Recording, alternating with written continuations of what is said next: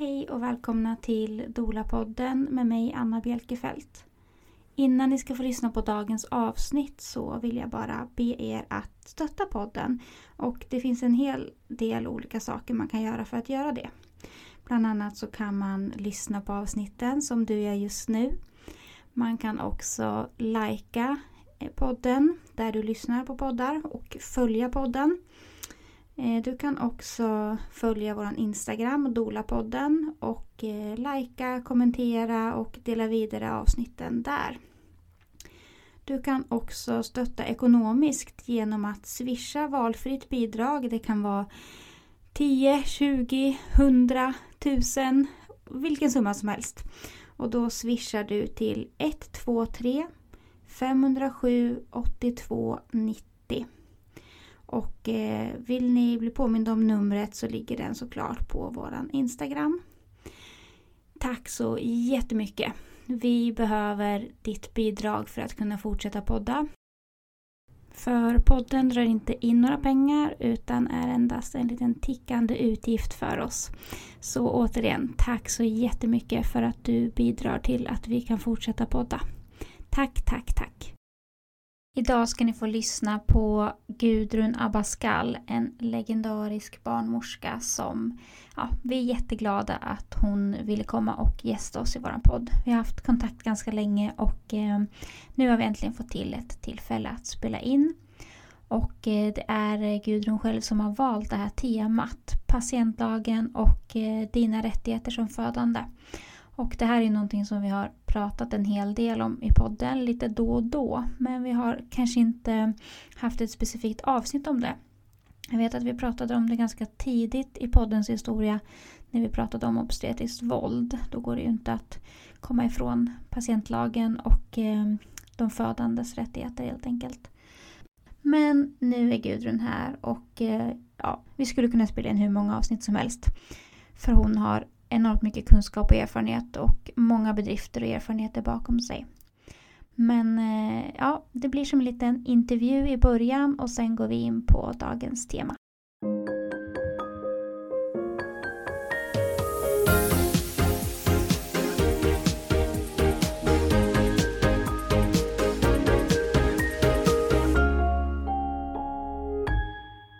Välkommen till Dola-podden, Gudrun Abascal.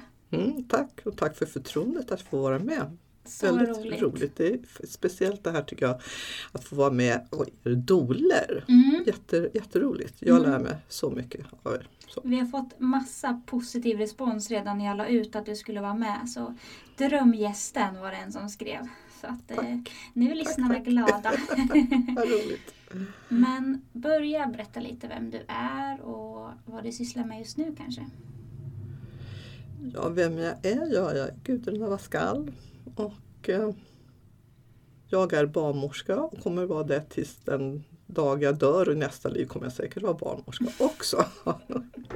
Så är det, det, det, det är det enda jag säkert vet, Mm. liksom att jag är barnmorska. Om någon frågar. Mm. Ja, det är en ganska stor fråga, vem är du? Mm. Var ska man börja liksom? Precis, och då ser jag just nu att nej, nej, jag är Gudrun och jag är barnmorska och jag tror på att kvinnor under rätta förhållanden får, eh, kan föda sina barn alldeles utmärkt. Och jag får vara med och dela de ögonblicken i, i deras liv. Det är helt fantastiskt. Mm. Och vad sysslar du med nu? Vad jobbar du Nu- med? Vad gör du? Nu ja, jag skriver, skriver med i poddar. Jag undervisar barnmorskestudenter både på KI och på, på Sofiahemmet. Jag turnerar runt i Sverige lite grann, träffar personal, alltså barnmorskor och läkare och försöker få dem att, att tänka utifrån mitt perspektiv Mm. naturligtvis för att på, påverka det. Eh, Och sedan så har jag en mottagning där jag träffar kvinnor som har ska föda barn och som så kallade tycker att det här är, känns Eh, otäckt och obehagligt och jag är rädd för att föda barn. Och sedan också träffa kvinnor som har fött barn och har traumatiska upplevelser bakom sig och ska föda barn igen och utifrån det också försöka att bearbeta så att det ska bli bättre den här gången. Och ja, så att jag träffar mycket kvinnor som, så utifrån det perspektivet så det är klart att det påverkar ju mig väldigt mycket att jag blir ännu mer engagerad och tänker att så här kan vi inte ha det. Det kan inte vara så Nej. att kvinnor ska behöva gå in i sitt barnafödande och, och känna på det här viset. Så. Så du har en privat mottagning eller? Ja, Mm. rent ideellt Mm. är det också. Så Mm. jag, tar, jag tar inte betalt. Alltså. Och det är både de eh, primär och sekundär förlossningshjälp Ja, som precis. du träffar? Ja. Och Mm. allt ifrån från de har fått, de kan ha ring, ringt mig och sagt nu har jag positivt graviditetstest, kan jag Mm. få komma och prata med dig? Mm. Tills att man kommer kanske ett halvår efter att man fött barnet. Så det är en väldigt stor spridning på. Mm. Men berätta lite om din bakgrund då. När blev du barnmorska? Ja, I så fall så kan vi börja, börja i så fall, hur föddes jag? Mm. Det kan ju vara jätteintressant. Ja, börja från början. Mm, och då är det så att eh, min mamma och pappa vi bodde uppe i Backe i norra Ångermanland i, i en, ute i skogen där, liksom i, i en by var det faktiskt. Och min pappa var ambulansförare och min mamma var sjukvårdsbiträde.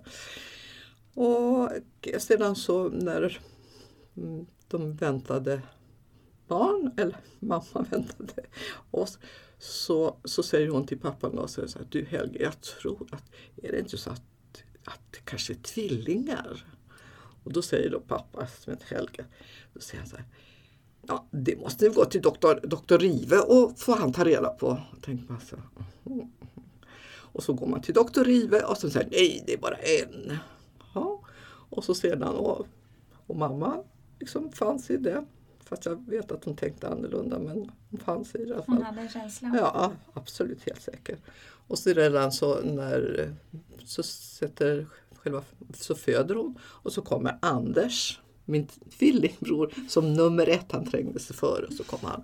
Och sen 20 minuter senare så kom jag. Mm. Bara det säger ju att man ska lita på vad kvinnor säger, Ja. eller hur? Hon visste ju att det var två. Men både min pappa och doktor Rive som var doktor tyckte ju att det var så. Så att det, det är jag så stolt över liksom, Mm. att hon visste att vi var två. Så. Jag ryser, vad häftigt. Ja, så det, och, det är, och sedan när de kommer hem så, så la de, det väl kanske också handlar om hur jag är som person. Att när de kommer hem med Anders och mig så, så lägger de då på oss på sängen och så hämtar de Britta och så säger de nu får du välja vilken du vill ha. Där. Och vem väljer hon? Då väljer hon Anders, men alltså min bror. Ja, det har väl format mig hela livet att bli bortvald så därför måste jag sitta här och prata och berätta, tala om hur, hur saker Ta plats. Jajamensan. ja, vi skrattar åt det väldigt mycket i alla fall. Vi har en väldigt tajt, tajt relation med tvillingbror och jag. Det, är- han är, det är mitt allt. Mm. Liksom, han konkurrerar helt klart med min man. Mm. Min mamma är också tvilling så jag vet den här Mm. närheten har man ju sett. Man behöver inte prata. Nej. Och man kunde inte prata med varandra under nio månader så Nej. sa man ingenting varandra men man var tajt hela tiden. Då behöver man inte säga så mycket sen heller. Nej. Då förstår man. Mm, precis. Mm. Hur kom du på att du ville bli barnmorska då? När kom det till dig? Ja, alltså det, det kom som en blixt från en klar himmel faktiskt. Jag gick eh, sjuksköterskeutbildning. Jag var väldigt ung när jag började sjuksköterskeutbildningen. Jag var 17 år. Då går man olika placeringar. Då var man då på förlossningsavdelningen på Danderyds sjukhus och så fick man då vara med och gå med och titta. Och så gick jag med in och kom in till en, en kvinna som födde och då var inte då var inte partnern eller pappan med utan hon Nej. var ensam där inne och så kommer vi in och där låg hon platt ner i sängen och så vidare. Så, men så gick barnmorskan ut och då reser den här kvinnan på sig och börjar röra på sig. Jag var kvar inne och bara och så bara kände jag så här, nej men det är ju fantastiskt den här omställningen från att vara helt passiv i sängen när hon är själv och inte har den här barnmorskan som står bredvid. Så reser hon på sig och så, så går hon in i med olika ställningar och all kraft som hon då också visade mig att vad, vad kvinnor har. Så hon visade mig, så här är det att föda barn när jag får vara fri. Och, och jag kan själv. Och så kommer, kommer barnmorskan in precis strax innan barnet kommer. Och, så och då kände jag, nej det här, det här måste jag få vara med om jämt. Resten av livet. Mm. Så ungefär. När jag var, då blev jag så stolt över alltså, vad kvinnor också. Men samtidigt så är att vi, hur förhållandena styr också att kvinnor får vara den de är. Mm. Så det, det här måste ju jag med och hjälpa till med. Mm. och se till att kvinnor får den här möjligheten. Jag som barnmorska inte behöver gå ut ur rummet för att kvinnan ska våga ta den här platsen och att jag är, är på sidan om och det är hon som är primadonnan i, Mm. i det. Vi skulle ju kunna ha ett helt avsnitt och bara intervjua dig tänker jag för du har ju gjort så extremt mycket under din karriär. Men vill du berätta lite om vad det är som har drivit dig och vad du har sysslat med? Nej, men det är det här som har drivit mig. Att jag Mm. vet att sedan när jag gick utbildningen så valde jag att bli barnmorska på en gång och det blev jag 69, 70. Jag var ju 21 år när jag var klar barnmorska. Bra eller dåligt kan man ju prata om det. Men, men det var bråttom för jag kände att jag, jag eh, måste... Och det var ju det här att, att, då, att få del, att rent existentiellt som, som barnmorska och som kvinna också för mig, liksom att vara delaktig i de här händelserna. Så att säga. Men också att jag kände att jag kunde, hade det här kunna lyssna in kvinnan och sen även föräldrarna naturligtvis. Och, och att anpassa och se till att det blev utifrån de förutsättningar som, som de ville ha sitt födande på. Så att säga. Och det var ju ganska unikt på den tiden också faktiskt. Mm. Att, utan, eh, att kunna lyfta det, att ge dem det med sig i, när de gick därifrån. Jag att Det var vi, det var de som födde barn, inte jag som barnmorska. För det tror jag att ibland att det kan kännas, många som säger ja det var tack vare barnmorskan som det gick så bra. Mm. Sen, det vill jag inte att man säger utan man säger vi, om man är stolt och reser på sig och att det är tufft. Mm. Så, men att man, vi, det var vi som gjorde det tillsammans Mm. också viktigt för relationen. För det är inte bara att man, att man ska föda barn utan man ska bilda familj och man ska bli mamma och man ska bli pappa och eh, man blir förälder och det är starten på, på familjelivet och allt. Det är så mycket just det här ögonblicket som är så mycket, mycket större när man börjar utvidga dig. Mm. Att det inte bara ska komma ut ett barn mellan benen på en kvinna det är så oändligt mycket mer. Mm. Verkligen. Och hur började din karriär sen? Vad, vad har du gjort? Ja, sen så då började jag på Löwenströmska sjukhuset. Och då var man ju väldigt fri som, som barnmorska på det viset. Det var inte så intressant utifrån från läkarhåll på den tiden. Utan Nej. barnmorskorna, då låg ju förlossningsklinikerna, eller där man kom in, de låg på baksidan av alla sjukhus av någon konstig anledning. Så att det säger ju lite grann varför ligger inte... Utan det var ju kirurgen som låg vid huvudentrén. Mm. Och då kan man tänka så här, hur såg man på det här? Och jag vet också att då till nattetid till exempel, då kunde, kunde en kirurg vara jour Mm. för, för förlossningen. Så att det var, ja, man skötte det lite grann, det där fick barnmorskorna sköta. Mm. Eh, så var det på, på den tiden. Att De var lite som backup då bara? Ja, liksom. backup och jag Mm. glömmer aldrig att en natt när jag jobbade så då kom det en eh, kvinna som skulle, där barnet låg med, med stjärten neråt och det är lite mer avancerat då kan man säga. Risken för komplikationer är lite större så det krävs lite mera. Och så ringer jag då till den här doktorn som är jour, för då skulle doktorn alltid vara med om det var sätesbjudning som kallade den. Då ringer jag och säger, ja nu när kvinnan kommit in och dens första barn och, och barnet ligger med stjärten ner. Jaha, så vad spännande, jag har aldrig sett en sätesförlossning någon gång. Och då, Åhå, liksom här. Det ser lite annorlunda ut kan jag säga. Ja, verkligen. På, på den nivån. Så att, eh, och det gick jättebra. Hon Mm. föddes galant också, trots Mm. barnet låg med stjärten neråt. Mm. Hur länge var du där då? Där var jag väl i ett år. Sen så ringde de faktiskt från Danderyds sjukhus och frågade om jag ville komma dit. Och sedan så kom jag till Danderyds sjukhus. Och brann ju då för det här och Eh, jag jobbade på rent karriärsmässigt sedan så efter ett tag så så kände jag också att det där med undervisning var viktigt för mig. För jag kände så här, men eh, det är klart att jag kan kliva in i rummet och göra liksom, så att det blir bra för just föräldrarna efter bästa förstånd. Men så jag samtidigt, så här, jag kan ju inte bara lämna, jag måste ju lyfta det här och gå ut och missionera lite mer om det. Så då började jag undervisa medicinkandidater. Också för att få dem att la upp dem i gynställning. Bara manliga kandidater skulle upp i gynställning för att de skulle lära sig hur det känns för en kvinna att ligga i gynställning. Och det var, var alla undrade, men hur vågar Ja, ja vadå våga? Det är klart att de måste lära sig hur det känns att vara så utelämnad. Underbart. Och eh, sedan så, så gick jag eh, lärarutbildningen. Så då, då arbetade jag också på barnmorskeutbildningen i Stockholm. Mm. Så gjorde jag det och sen gick jag tillbaka till Danderyd. Eh, igen. För jag fick inte påverka tillräckligt mycket på barnmorskeutbildningen som jag ville. De andra som ville bestämma vad jag skulle lära ut av det ville inte jag. Så efter ett tag så sa nej, då jag känner igen något annat. då väljer vi en annan bana. Så kom jag tillbaka till Danderyd och fick en position där, där jag kände att jag kunde påverka väldigt mycket och hade väldigt bra, tycker jag, med, med mina barnmorskekollegor, men med, på, även på läkarsidan och på narkossidan på barn. Så vi var ett väldigt bra gäng där alla hade faktiskt, eh, kan jag tycka att, att samarbetet var helt fantastiskt på alla nivåer så att säga. Från den som städade på avdelningen till verksamhet eller klinikchefen vad man kallar det. Mm. Eh, Så det var det och så sedan så så kom det väl här med, eh, vad kom efter det? Jo, det var ABC-kliniken och så småningom som kom då som jag kände också det här, för jag kände att, att eh, själva barnafödandet var ju fantastiskt men, men det är ju som sagt det är samma kvinna som, som väntar barn och sen föder barn hela vägen. Jag kände att det här med kontinuitet, alltså märkte jag, för då hade jag också börjat haft s- samtal med kvinnor, att, att ha träffat kvinnan och föräldrarna innan de föder var ju bara, det är ju det som är grejen. Att man förstår att vi känner varandra innan.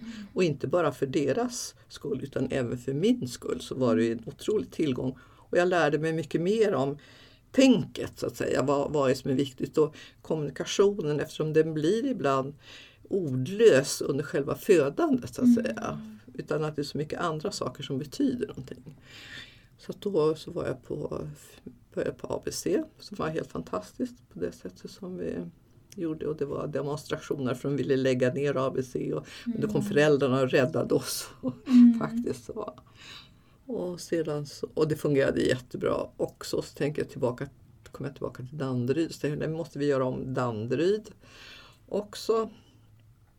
Eh, så att vi, jag var över i USA och tittade på där man har olika typer av, av kliniker där som sköts av barnmorskor och läkare och så vidare. Och, och så, och där lärde mig. Så att då delade vi in Danderyds förlossningsavdelning i två enheter så att säga. Det är en så kallad normal del och en, en del då för mer inte high risk som det är i USA, men där var mer komplicerat så att kvinnor hade någon sjukdom med sig i bagaget eller någonting som krävdes Mm. mera medicinsk vård. Och, och så fick barnmorskorna sköta den, den normala, det normala födandet och läkarna kunde fokusera på Mm. Så du ville få in det här olika Ja, vårdnivåer? ja, liksom. ja, och sen vad var det du nämnde från ABC som jag tänkte på? Ehm, jo, relationsskapandet. Ja. Alltså det var ju det som var grunden till, till bra vård, det är ju kontinuitet, att hela vårdkedjan, för föräldrarna är ju samma personer från början av tiden som man väntar barn tills barnet är fött och hela vägen. Nu är det så uppdelat sådär som jag tycker att jag tror inte på det. Nej. Och ju mer ändå man har den här etablerade kontakten så desto enklare blir det också även för mig att arbeta naturligtvis. Mm. Mycket, mycket enklare. Mm. Och ger så mycket. Och sen en annan highlight som du har haft är ju BB Sofia också. Ja, BB Stockholm började var det ju egentligen. Ah, okej, det var- började där. Ja, Mm. BB Stockholm var det då. Mm. Och då fick erbjudanden då att, att börja. Och det var väl också, jag kände att, att de här Danderyd börjar bli väldigt stort och, och ja, att du börjar medikaliseringen också tränga sig på lite mera.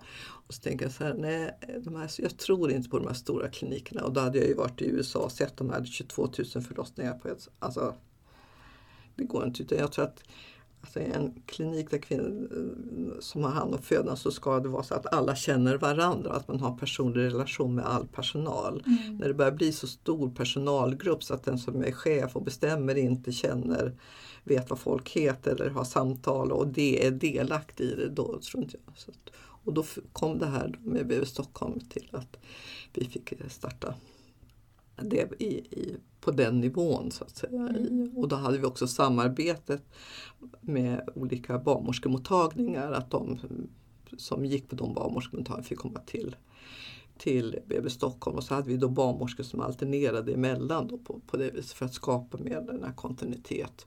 Och vi hade mycket samarbete och träffar och så vidare och i diskussioner med barnmorskorna barnmorskemottagningarna Mm. som gjorde naturligtvis att det blev också bättre för föräldrarna naturligtvis.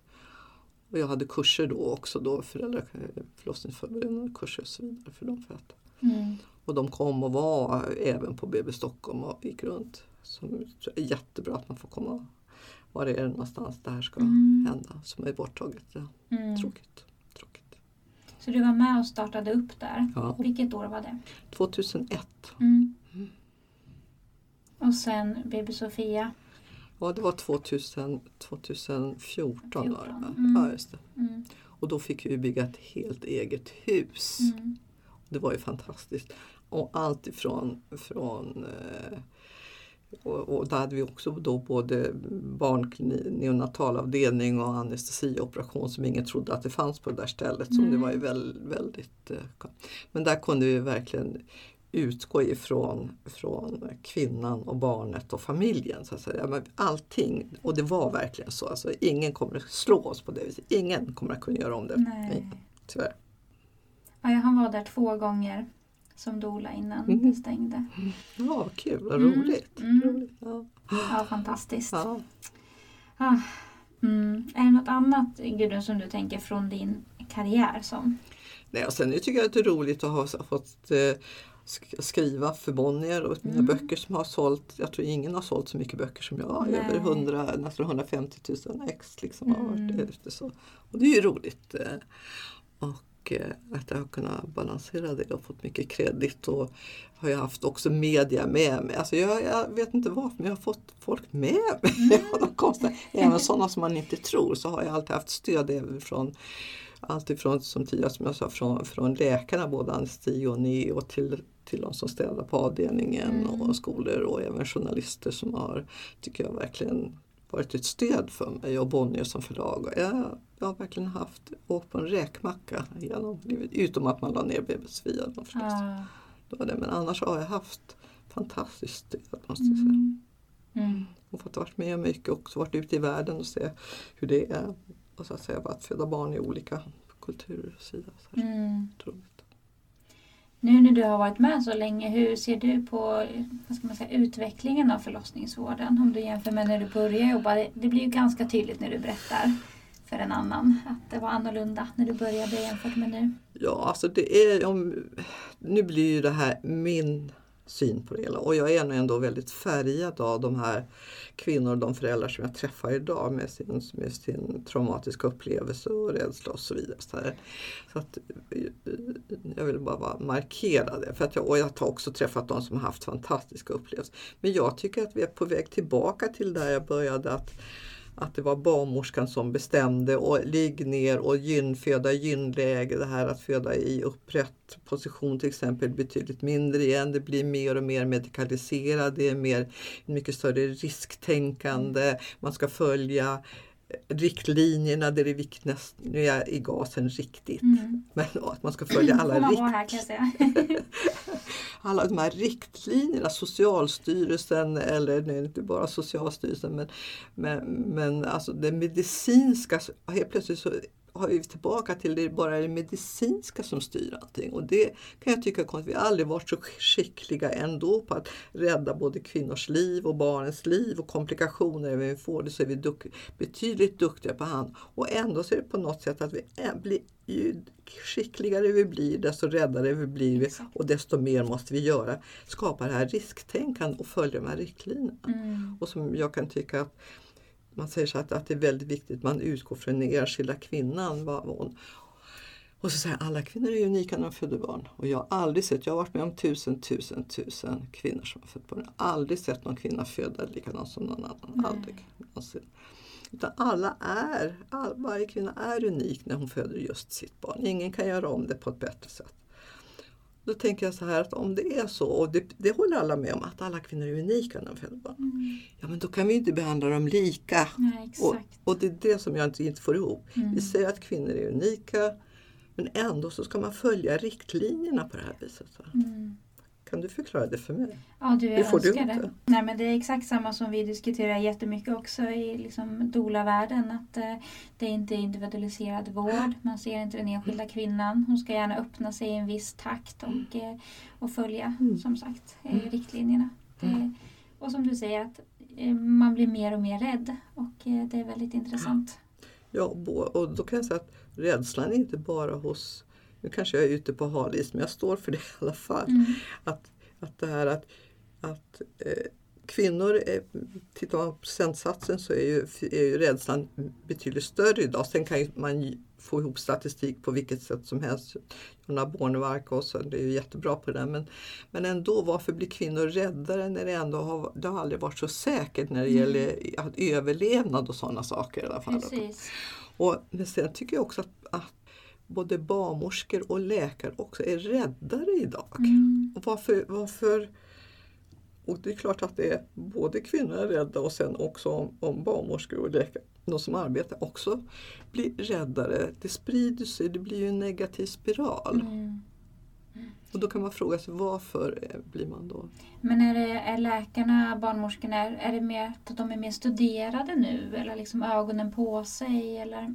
Jättesvårt att säga, mm. men vi lever jag tror också i ett, ett annorlunda, vi har en annorlunda kultur, ett samhälle där man generellt tycker jag räknar ut det här med risktänkande generellt mer. Så här, ska vi åka dit, ja då måste vi ta reda på det och det mm. och tiderna måste passa och man ska ha 100% kontroll mm. över alltihopa. Mm. Och har jag inte 100% kontroll då, då blir det för farligt och så, då mm. börjar man diskutera och väga risker för och emot och ska man våga och inte våga och så vidare. Och det, mm. det upplevde man inte att, om man tänker tillbaka till kvinnorna, att de hade det här risktänkande kanske mera, jag tror att historiskt har kvinnor alltid varit mer eller mindre rädda för att föda barn. Det handlar om livet och barnet och allting sånt där. Mm. För att det mm. är ju faktiskt farligt att vänta och föda barn. Det är vanligaste anledningen till att kvinnor dör i fertil ålder mm. är ju att man väntar och föder barn.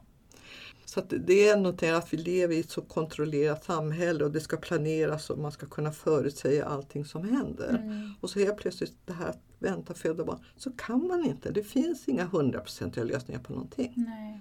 Utan det måste finnas ett utrymme i mm. att eh, vara beredda för det, det oförutsägbara. Och med trollet säger allting kan hända, därför är jag lugn. Mm. Så kan det vara. Mm. Nej, men det är väl ganska mycket mm, missuppfattningar och okunskap där. Vi har pratat om det här, är det farligt att föda med barnmorskan Märta Kulled Engblom innan i podden.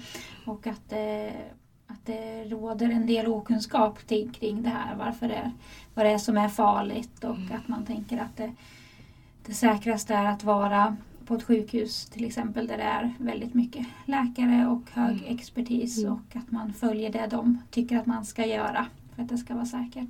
Tittar man på statistiken så kan man se i Sverige då, de kvinnor som föder hemma de, det går ju väldigt bra, mm. både för barnen och kvinnan. Mm. Om man jämför med de som föder på sjukhuset. Mm. Kanske lite elakt att säga så men så är det ju mm. faktiskt. Mm. Att det går väldigt bra. De, de, det är ingen som far illa. Nej. Så. Men jag tycker att det har varit senaste åren ganska mycket diskussion i sociala medier om att ja, men det är det farligaste en kvinna kan göra. Och att det, det liksom sprids på ett sätt som gör att folk mm. bara blir ännu mer mm. rädda. Mm. Ja det är ju så att medialt så är det så att vad säljer bäst? Ja inte det som är fantastiskt och roligt utan Exakt. det är ångesten, rädslan. Det säljer ju, det läser man ju mm. varenda bokstav och kommer ihåg. Ja. Och det kanske ligger oss i arvet att att, vi, om vi, att överlevnaden blir större om vi garderar oss mot farliga saker. Mm. Att vi, vi har inte kommit längre i evolutionen. Nej, tyvärr. Men hur skulle du vilja att det såg ut då Gudrun för de födande och också för de som jobbar? Ja, om man tittar för både för, för då, eh, för föräldrar och kvinnor som föder och, och så finns det många gemensamma intressen. Målet ska ju vara att det ska vara bra start på föräldraskapet generellt så att säga. Och att, där, som jag pratat tidigare lite grann om, det här att man ska, kvinnan ska få känna att nej, det här, jag var bra på det här. Även om det var hur tufft och man rätt var så här, nej jag vill inte. Så är man när man går därifrån så himla nöjd och jag gjorde det ändå. Och kan använda det i andra situationer i livet där man kanske tuffa situationer. Och så kan man säga, ja, det här är, jag är född i barn, det gick ju så bra, det är klart jag kommer att klara att man kan hämta kraft ur det man har varit med om. Mm. Men sen generellt så skulle jag vilja att man har det här med att få föda barn på, utifrån de förutsättningar som jag vill ha det på. Mm. Alltså allt ifrån att föda hemma till högspecialiserat sjukhus där man behöver. Och att det är utifrån kvinnors egen känslomässiga spontana val som man får göra. Mm. Får göra. Alltså, det, det tror jag att vi barnmorskor också vill. Därför att det blir ju Alltså det blir ju en positiv spiral. Om kvinnan känner är, är trygg så känner, blir det också trevligare och roligare och lättare och betydligt enklare att vara barnmorska. Mm. Och där att det här förtroendet byggs upp liksom utifrån det. Och då krävs det kanske av vissa kvinnor, vi vet vi då att att föda hemma är det som känns tryggast och bäst och att man vet att man... Till kvinnor som säger ja, men jag vill ha kejsarsnitt, det spelar ingen roll, jag har ingen medicinsk anledning till men jag vill få ett kejsarsnitt. Mm. Så why not liksom? Mm. Så valmöjligheter Ja. för kvinnan, olika Ja, vårdnivåer. ja. Eh, Men ändå att det ska baseras på kontinuitet i Mm. vården. Att det ska inte vara så här otroligt många människor involverade i det. Utan det är en som följer mig hela vägen. mm. Det, det är väl det som är gemensamt. Oavsett var någonstans man befinner sig så ska man inte behöva När min förra graviditet så träffade jag fem olika barnmorskor på mödravården. Ja, Mm. nej, och, det, det, och då har vi en, som sagt en patientlag som säger att det ska vara kontinuitet i Ja. vården. Hallå! Ja. Och det är ju det som vi ska prata om idag. Mm. Eh, och det var ju ett tema som du önskade prata om. Vill du berätta varför? Därför att jag tycker alltså, när jag träffar föräldrarna och kvinnorna så känner jag ibland att när vi, de berättar för mig vad de har gått igenom så känner jag att, att de har varit i sånt underläge. Så att det spelar ingen roll. Jag träffar kvinnor som har gjort världens karriärer och liksom stått på sig och verkligen stått på scenen och klarat av vilka. Och så kommer den här situationen där de lägger sig helt. Liksom, Ja. på något sätt. Att inte och, och då känner jag så här, och att, de ham, att man hamnar i sånt underläge och då känner jag ja, men då måste vi hjälpa till. det. Och vi har en patientlag, om inte annat får man ta fram patientlagen, hålla upp den och Exakt. här så att alla skulle ta med sig, jag brukar säga det till de som jag Ja. träffar, alltså, att ta med dig patientlagen och peka, det här står det, Precis. samtycke, delaktig Mm. här, eh, informerade val, alltihop. Mm. Då är det ju inte kvinnan själv, för hon vill ju inte att man ska säga ja men du kan inte säga så. Nej men det är inte jag som säger så, det är en lag i Ja. Sverige som säger så. Ja. Så stora frågor. Vi har pratat lite om eh, rättigheter i podden tidigare när vi har pratat om obstetriskt våld till exempel. Mm. Och eh, det återkommer ju lite då och då när vi pratar. Också när vi intervjuar de som har fött. Att de också eh, delar samma som du säger nu. Att man har känt att man har varit i underläge och att saker har gjorts mot ens vilja och så vidare. Ehm, vill du berätta lite vad patientlagen innebär? Om man bara drar de här vad ska jag säga, stolparna så, är så säger den bara att det ska vara kontinuitet Mm. i vården. Och det ska vara samtycke. Mm. Alltså att man, vi, vi inom vården, vi kan inte göra någonting utan att ha fått ett okej ifrån kvinnan. Mm. Och det vet jag att det bryts ju oftast. Man frågar inte ens utan man ger den här injektionen med oxytocinet eller man gör den här undersökningen och säger att nu ska vi undersöka, nu ska jag undersöka. Och Mm. Man talar inte om olika alternativ. Eller det här med CTG, kan vi ha CTG alternativt att använda tratten eller ultraljud. Alltså att man inte gör så. Nej. Och det diskuterar mycket och då säger personalen det finns inte tid och möjlighet att göra det. Man har inte tid den tiden. Men det tycker jag är en dålig bortförklaring. Ja, för det vi- handlar ju bara Vi om hur berättade man för säger. dig som man... Ja, Mm. precis. Så, så att, ja, att eh, det, det, och i slutändan så är det ju så att, och som jag tror inte att, att man förstår, att man kan säga man kan säga nej till allting. Alltså i slutändan så har kvinnan sagt nej, så är det nej. Mm. Man kan inte, däremot så kan man inte tilltvinga sig en behandling. Man kan inte tilltvinga sig en kejsarsnitt eller någonting. Nej. Man kan alltid säga nej. Mm. Om jag ska berätta en historia så kan jag, Mm. tycker jag som var helt som jag älskar att berätta. Det var en kvinna som kom till mig och så hon då hade hon varit på olika andra ställen i, i Stockholm. Där hon skulle då föda barn och ville prata med någon. Och så sa hon så här, ja och vi satt och pratade och så sa hon att, ja och det är bara så att jag vill inte att man ska lyssna på barnet, att övervaka barnet. Jag vill inte det. Vill inte. Och så klart då blir man ju nyfiken då. Och så säger jag, "Jaha, vill du berätta hur du tänker? Nej, jag bara inte vill det. Jag vill inte det. Det är, det är integritet. Jag vill inte det. Liksom, att jag, jag vill bestämma själv liksom, vad som ska göras. Ja, ja, och då säger jag så här, ja, nej men och är det så att du känner så då, då kan inte vi göra någonting. Liksom, utan då får vi bara finna oss i det. Men det är klart att, att man vill kanske förstå lite, lite mer. Men vi kan inte, inte, ingen kan tvinga dig att, att eh, vi, vi ska göra det. Ja. Eh, Och sedan så jag pratat om andra, men det slut med att hon går hem och sen så kommer hon, så kommer hon då, det här var på Danderyd, så kommer hon till Danderyd och det här är en helg och jag sitter ute på Värmdö och äter kräftor. Det var alltså i augusti måste det ha varit. Ja. Och då ringer barnmorskan på Danderyd och så säger så här. Ja, nu har hon kommit in och hon, säger att, att jag inte får lyssna på barnet. Mm. Jaha, säger jag. Ja, och hon säger att du har sagt det. Ja, säger jag. Det har jag sagt. det har jag sagt. Men hur kan du säga det? Ja, nej men det är bara så. Att det är hennes rättighet att säga nej till det. Ja. Så det är bara så.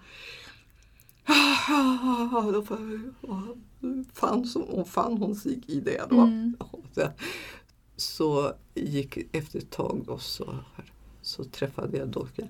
Då visade det sig att när då barnmorskan kommer in igen och säger så här, Jaha, nej men det är rätt, du, jag, om du inte vill så då kommer inte jag göra det.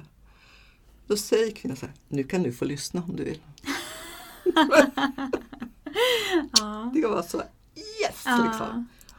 Och, där, att det, det, och det är tillbaka till att vi måste se oss jämbördiga, alltså som barnmorska och kvinna, som födande kvinna. Att den ena kan inte ha en det här att jag kan stå där med pingen och tala att du måste göra saker och ting som hon inte själv vill. Och så visar tycker jag så, så smart, bara testa. Mm. kan ju testa sånt där och se. Ja, men exakt. Det är, även om man liksom tänker så här, men man kan inte bli tvingad, så tänker jag att man kan i praktiken bli tvingad men man får inte. Liksom, Alltså bli övertalad. ja, och barnmorskor har, om jag tittar ut i världen och även i Sverige har ju det hänt att, att kvinnor, om du inte gör som jag säger så dör barnet. Ja, Alltså det, är, det är- finns ju till och med handgripligt våld, att, Ja. att barnmorskor har alltså slagit, smällt till Mm. kvinnor eller eh, ja, alltså Håll utsatt, fast. ja, Mm. både hotat på, både med fysiskt våld och känslomässigt. Där Mm. man säger, om du inte gör som jag säger så dör barnet. Mm. Det är risk för ditt barn, det är ganska Ja. många som Ja. får höra. att, det, att man eh, då Man Och det är använder det emot. Ja. ja, det är inte helt ovanligt skulle jag säga bland de jag Mm. träffar. Det tvingande Och, press. så, och sen naturligtvis så tycker jag att absolut, så, precis som så tycker jag ändå att, att, vi, eh, att vi ska eh, kanske ges lite utrymme men också att förklara anledning till varför vi gör så här. Att, Mm. alltså, få, få det utrymmet och inte bara jag vill inte lyssna på dig helst. Eh, Så tror jag. För att, men, men inte att det kan skada ett barn utan på grund av det här. Man kan, det är inte vad, vad man säger utan hur man säger det Mm. faktiskt som är kanske det viktiga i Mm. det hela. Ja, just för att det är lätt att få kvinnan Ja. att känna att hon är lägre på något sätt. Och nu också, det senaste nu, hoppar jag vidare här till det är att man börjar tycka så synd om barnmorskorna för de har det så jobbigt och de får inte äta och inte kissa och de kan inte byta tampong. Mm. Nej, där går min gräns. Nej, Mm. det spelar ingen roll. För det, det är en annan fråga och den diskussionen ska inte födande kvinnor behöva ta överhuvudtaget när de kommer in och föder, föder sina barn. Inte ta ansvar för deras Nej, situation. kan inte ta och säga att nej, men vi, nej, vi, vi, vi, vi, vi sa inte till för vi tänkte att de har så mycket att göra. Vi Mm. märkte att de sprang så mycket i korridoren så därför så lät vi bli. Mm. Då blir jag, då blir jag uppriktigt sagt väldigt ledsen. Mm. Jätteledsen. Kvinnor är ju generellt väldigt nej, bra för att ta precis. ansvar och i den situationen. Så där, där brukar jag då om man har sin partner med, om det nu är en man, så brukar jag säga det är ditt ansvar i början sådär, Ja. och försvara personal. Då får du kliva in för att Mm. min erfarenhet säger att de är något bättre på liksom att kunna, fast även de ramlar också mellan Mm. stolarna. Liksom, så att det, det är svårt att hävda sig i den här utsatta positionen tycker jag. Och där måste vi komma längre. Mm. Tycker jag. Så den ena grejen från patientlagen är att man alltid har rätt att tacka nej till vården, Ja. att det är erbjudanden. Mm. Och sen nämnde du det här med information. Informerade och inte bara Mm. informa, att jag ska inte bara informera om nu gör vi så här och så här och så här utan jag, om vi tar för det enkelt att säga det här med, med CTG och lyssna med tratt. Så jag ska ge vilka alternativ har jag också så att det inte bara, eller om jag ska ge den oxytocinsprutan då som gör att livmodern ska dra ihop sig. Vad har jag för alternativ till det? Mm. Så att det är inte bara att jag ska tala om vad jag gör utan jag ska också tala om vad jag har för alternativ. Mm. Likadant vid undersökningar också då, vid, vid vaginala undersökningar när man känner hur långflåsar, att det finns, finns andra alternativ. Ja. Och, och, då, och så får man ta konsekvenserna av det då. Mm. Det som, så det, det finns ju inte. Och där är det ju många som säger att "Ah, vi har inte tid. Det Nej. det. Nej, det är de, Mm. de delarna som jag också tänker som du nämner med informerat samtycke, delaktighet, information. Att det känns som att det är så specifika Mm. delar från eh, patientlagen som är väldigt viktiga för Mm. de födande att känna till. Precis. Varför känner födande sällan till patientlagen? Jag vet inte, det står i min bok. Mm. Nej, man, alltså, jag tror att mycket är så eh, man tänker inte så långt och jag tror också att personalen och de som arbetar, många inte tänker så heller. Nej. På det viset att det, att det utan man tar för givet. Och så kanske, inte vet jag, kanske tänker så här att ja men vill de så kommer de med fråga själva då. Mm. Det, det, jag vet inte. Man bara tar för givet. Men känner personalen till, skulle du säga att de som du träffar vet om de här grejerna? Ja, och alltså, har koll? ja, det ingår i utbildningen att man ska Mm. kunna patientlagen. Alltså man är, har man en legitimation så ska man, måste man kunna patientlagen. Mm. Så är det ju. Och då menar du att det, används som argument att man inte liksom följer den här för att man inte har tid? Ja, att man inte hinner att det står, uppstår akuta situationer och så vidare. Så här, Mm. att det, och då, då ska man göra det innan, då lämnar man över det till till att det ska eh, under, under tiden som man väntar. Jag säger inte gravid, säger under tiden man väntar barnet. Jag tycker det är trevligare. Mm. Och, det här är också min, min som jag uppfattar det, att när kvinnor föder barn är- så är det här och nu som gäller. Då kan inte jag hålla på och tänka, ja, men vad var det de sa nu på barnmorskan på barnmorskemottagningen ting om det här med patientlag. Utan det är här och nu. Alltså man måste skärma in sig för att man ska kunna gå in. Man måste kunna gå in i den här bubblan och inte behöva tänka på vad, vad ska jag tänka på nu. Nej, precis. Utan Stäng det här måste jag få hjälp för utifrån. Mm. Och kunna lita på att man får den, det stödet då. Mm. Jag skulle säga att väldigt många gånger att när man är med på en födsel så är det ju inte akuta lägen men att patientlagen ändå inte följs. Mm. Att, det görs, att man inte får information och att man kommer in med, eller att man har en inställning att man bara säger nu ska det här göras. Ja, och jag, jag tror att eh, man tar det så för givet. Liksom, att också kanske att, att föräldrarna tycker att det är okej. liksom, man- Mm. utan att fråga. Så, så, det är Mm. jättesvårt. Nu har du ju berättat lite om det här med CTG och vaginala undersökningar men eh, kan du ge något exempel som är liksom brott mot patie- patientlagen? Annat som liksom... Ja, något exempel. Ja, säger, jag tycker också som är ett som jag uppfattar som ett problem idag, åtminstone här i Stockholmstrakten och i Göteborg större då, det är det här att kvinnan inte själv får bestämma när hon vill komma in och föda. Mm. Utan man ska på något sätt kvala in. Och det måste ju vara ett, alltså jag måste ju få, det ska vara, vården ska vara lättillgänglig, jag måste ju få vård när jag behöver den och Mm. när jag vill ha den. Så det tycker jag är sånt här, ett, ett brott mot patientlagen Mm. alltså, som jag tycker är så som jag är idag är väldigt upprörd över att man ska, man ska aldrig få ett nej. Man ska Nej. aldrig få det här negativ eller nej och eh, sådana saker ska inte finnas i språket överhuvudtaget.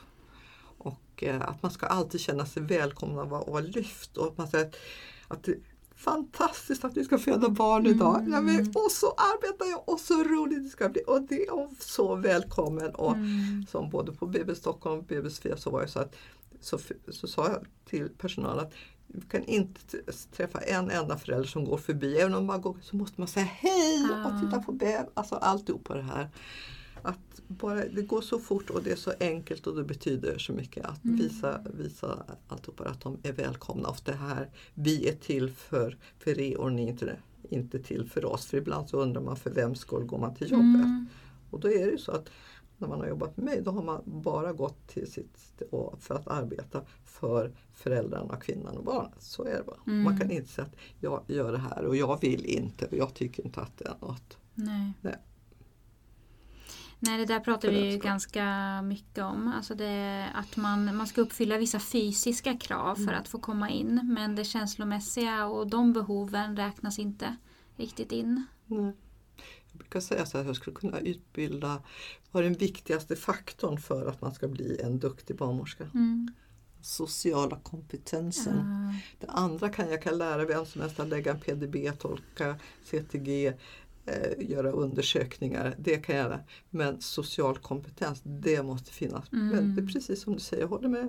Jag bara lägger mig platt. Liksom så. Mm. Det, Mm. det är jättemärkligt. Det där. Tycker jag idag så behöver man lära sig att lyssna. Ja. Nu pladdrar jag på som apparat. ja, men det är därför du är här.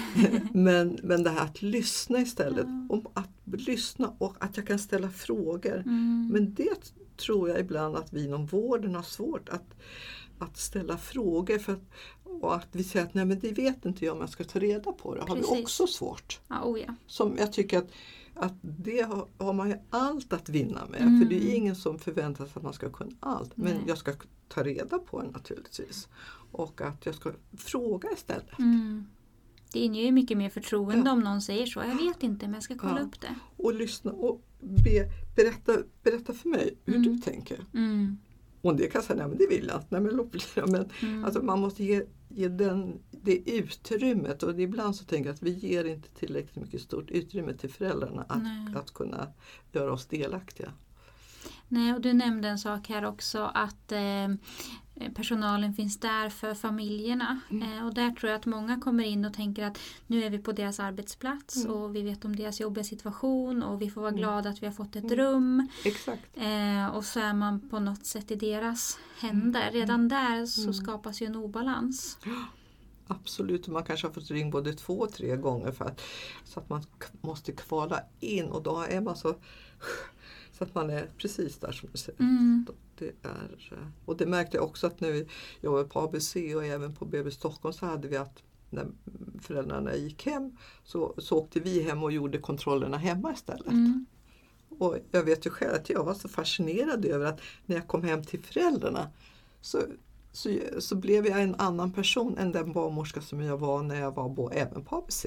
Mm. Men att där var det verkligen jämbörd och till och med så jag tänkte att nu måste jag verkligen liksom anpassa mig efter dem och Mm. tänka efter. På det var så lärorikt att, Mm. att göra det. Mm. Alla skulle behöva göra det. Mm.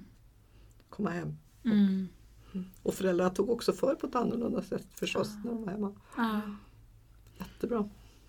Hur, eh, hur utreds, utreds de här fallen där man har brutit mot patientlagen om någon gör en anmälan? Vet du det? Ja, men jag har själv suttit både med i tidigare så heter det ju HSAN och på Socialstyrelsen på de, på de anmälningarna och så vidare. Som det. Nu när det gäller, eh, gäller om det inte är rent medicinska saker, om vi frånsett det, för det ska ju också även kliniken avgöra, men då är det ju IVO så att säga. Mm. Men annars är det ju idag om man känner att jag har blivit eh, dåligt bemött eller behandlad eller så vidare. Att jag har blivit, eh, jag känner mig sårad över att och de har inte lyssnat på mig. Så då är det patientnämnden som finns i- i varje region som man vänder sig till. Mm. Och där man får en handläggare. Mm. Och det här är faktiskt lite dubbelt till det här, måste jag säga, det här med patienten. Det är jättebra, men den personen får först inte ta ställning liksom på något sätt, utan den ska mer guida en. Och det första som de säger, "Nej, men då, får, då, då ska det vara så att du kan få träffa dem som du har, Mm. där det här har hänt. Och jag tror inte att alla är riktigt beredda att göra det på en Att jag mig med de som hade makten och alltihopa, där jag kände mig så, så illa bemött, så ska jag då fronte- konfronteras med dem. Det krävs, alltså, ja, jag har svårt att man inte ändå kan få mer än någon form av advokat inom situationstecken som kan företräda mig. Mm. Men du ska sitta och så ska jag behöva gå igenom. Och så, för de kommer ju inte hem till mig och sitta hemma hos mig och göra den Nej, här ut- precis. utan då ska jag in på sjukhus, ska sit- sitta på det här kontoret eller i det här rummet och så vidare och så dra alltihopa igen. Mm. Jag kan tycka att det är svårt. Och nu får man ju fylla i en lapp och så vidare som man kan hämta på nätet och så vidare. Så här. Så det är ju den vägen som man går. Sen kan det även gå vidare till IVO då. Mm.